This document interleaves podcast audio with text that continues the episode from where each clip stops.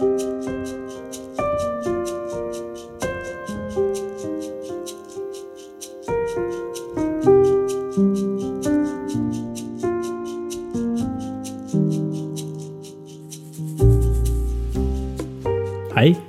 du lytter til Spires pod, og navnet mitt er Vidar Mæland Bakke. Det kan hende du syns Petro-presten bør vokte seg for å uttale seg om aktuelle politiske saker. Det ble vedtatt en ny bioteknologilov i går. I et demokrati må vi leve med at flertallet vedtar lover som ikke alle kan stille seg bak.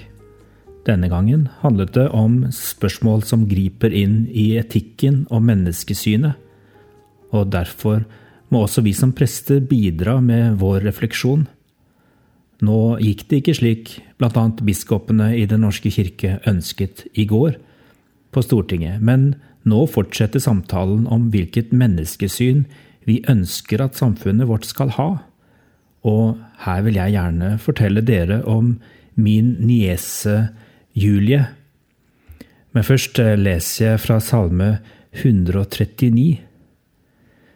For du har skapt mine nyrer, du har vevd meg i mors liv. Jeg takker deg for at jeg er så underfullt laget. Underfulle er dine verk, det vet jeg godt. Knoklene mine var ikke skjult for deg da jeg ble laget på hemmelig vis og vevd dypt i jorden. Dine øyne så meg da jeg var et foster. Alle dager er skrevet opp i din bok. De fikk form før en av dem var kommet. Dine tanker, Gud, er dyrebare for meg. Summen av dem er ufattelig. Teller jeg dem, er de talløse som sand. Blir jeg ferdig, er jeg ennå hos deg. Julie er altså niesen min, og jeg fikk den ære å være hennes fadder da hun ble døpt. Hun har rukket å bli 18 år nå. Allerede den gang, for litt over 18 år siden, kunne ultralydbilder gi små signaler om mulig kromosomfeil. Jordmor orienterte Julies foreldre om dette. For dem var det lille barnet uansett en gave fra skaperens hånd. De ønsket ikke å vite noe mer før barnet lå i armene deres. Ville de ha klart å stå imot forventningene som møter oss i dagens helsevesen? Nå har altså stortingspolitikerne tatt stilling til at den såkalte NIPT-testen skal tilbys alle gravide. NIPT kan brukes til å avdekke om foster har trisomi 13, trisomi 18 eller trisomi 21, altså Downs syndrom. Downs syndrom er langt mer vanlig enn de to andre syndromene denne testen avdekker. Testen kan ikke gi 100% svar, men ifølge tilhengerne er slike tester med på å gi kvinnen et informert valg. Kan vi snart være der at når man først har valgt å sette et barn med ekstra behov til verden, må man også bære den ekstra økonomiske byrden dette medfører? Aner vi hvilket ansvar vi er i ferd med å legge på enkeltmennesker med denne informasjonen? Jeg vil ikke romantisere.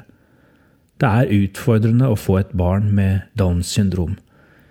I tillegg til en genfeil i kroppens celler er det høyere forekomst av f.eks. hjerte- og karsykdommer blant denne gruppen. Å få et barn med et så annet utgangspunkt enn de fleste andre barn kan være en tung beskjed å få for foreldre og familie men vi glemmer ofte at mennesker med Downs syndrom er like forskjellige som andre mennesker. Å snakke om å gi foreldre et informert valg vil alltid være et upresist uttrykk. Hva vet vi egentlig om hvordan livet blir? Dessuten slår det meg hvor mye av smerten som handler om at vi som familie så ofte har sammenlignet Julie med den utviklingskurven barn med et annet antall kromosomer normalt har. Hvordan ville det se ut om hun fikk lov til å følge sin egen utviklingskurve? Kanskje hun da slettes ikke var utviklingshemmet overhodet? Mennesker med Downs syndrom blir nå eldre enn tidligere. Mange lever gode liv, er i jobb og bor for seg selv. Er det ikke et paradoks at vi har valgt ut akkurat denne diagnosen som noe vi skal teste effektivt for? Det var en som skrev det sånn. som samfunn leter vi nå systematisk etter de mest sårbare blant oss for å fjerne dem. Denne tanken er skremmende. Ikke minst er det verdt å reflektere rundt hva den gjør med oss som samfunn, og vårt syn på hva det er å være menneske. Jeg vokste opp med en gedigen prestegårdshage rundt meg. I vekstsesongen på våren måtte vi klippe plenene to ganger i uka, faren min og jeg. Den forrige presten var ikke så begeistret for stor hage. Han slo den delen av gresset som vendte ned mot kirkegården med ljå et par ganger om sommeren.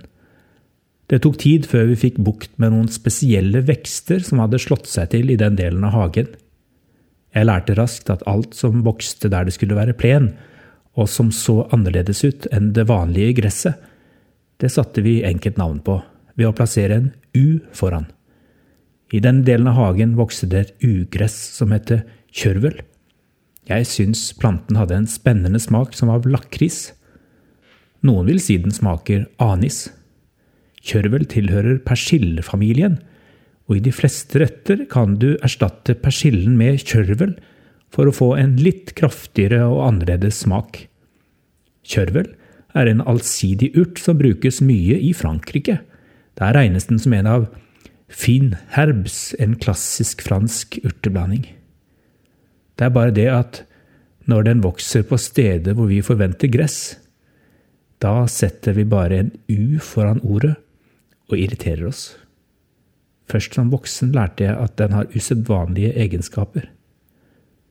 En annen plante som vi satte en U foran, var den fargesterke løvetannen. En drøy måned på vårparten hadde den sin tid, hvis den fikk lov. Hvis ikke gresset ble klippet for ofte. Lot vi deler av gresset hvile et par dager ekstra, ble plenene fylt med dette gule teppet av livslyst og pur vårglede. Senere har det kommet presise hageredskaper som effektivt fjerner løvetann med rota. Jeg hadde med et barn i bilen en vårdag og spurte henne hva hun syntes om løvetennene langs veikanten. Hun nølte. Skulle hun bruke det svaret hun hadde lært, eller det svaret som kom innenfra? Hun valgte å være diplomatisk. Jeg syns de er veldig fine, men de er vel ugress? En gartner forklarte meg hva som er problemet med løvetannen. Den ødelegger for gresset, akkurat som mosen. Slike planter er så vekstvillige. Derfor må vi holde dem nede, ellers tar de helt over. Tja, omtrent slik Hitler sa om jødene, eller som enkelte i dag sier om innvandrere. Vi setter en generell U foran alt som ikke ser ut som gress, mens de egentlig har mange forskjellige navn og nyanser aller mest utrydningstruet i vår del av verden i dag, er Julies folk. For du har skapt mine nyrer. Du har vevd meg i mors liv. Jeg takker deg for at jeg er så underfullt laget. Underfulle er dine verk. Det vet jeg godt.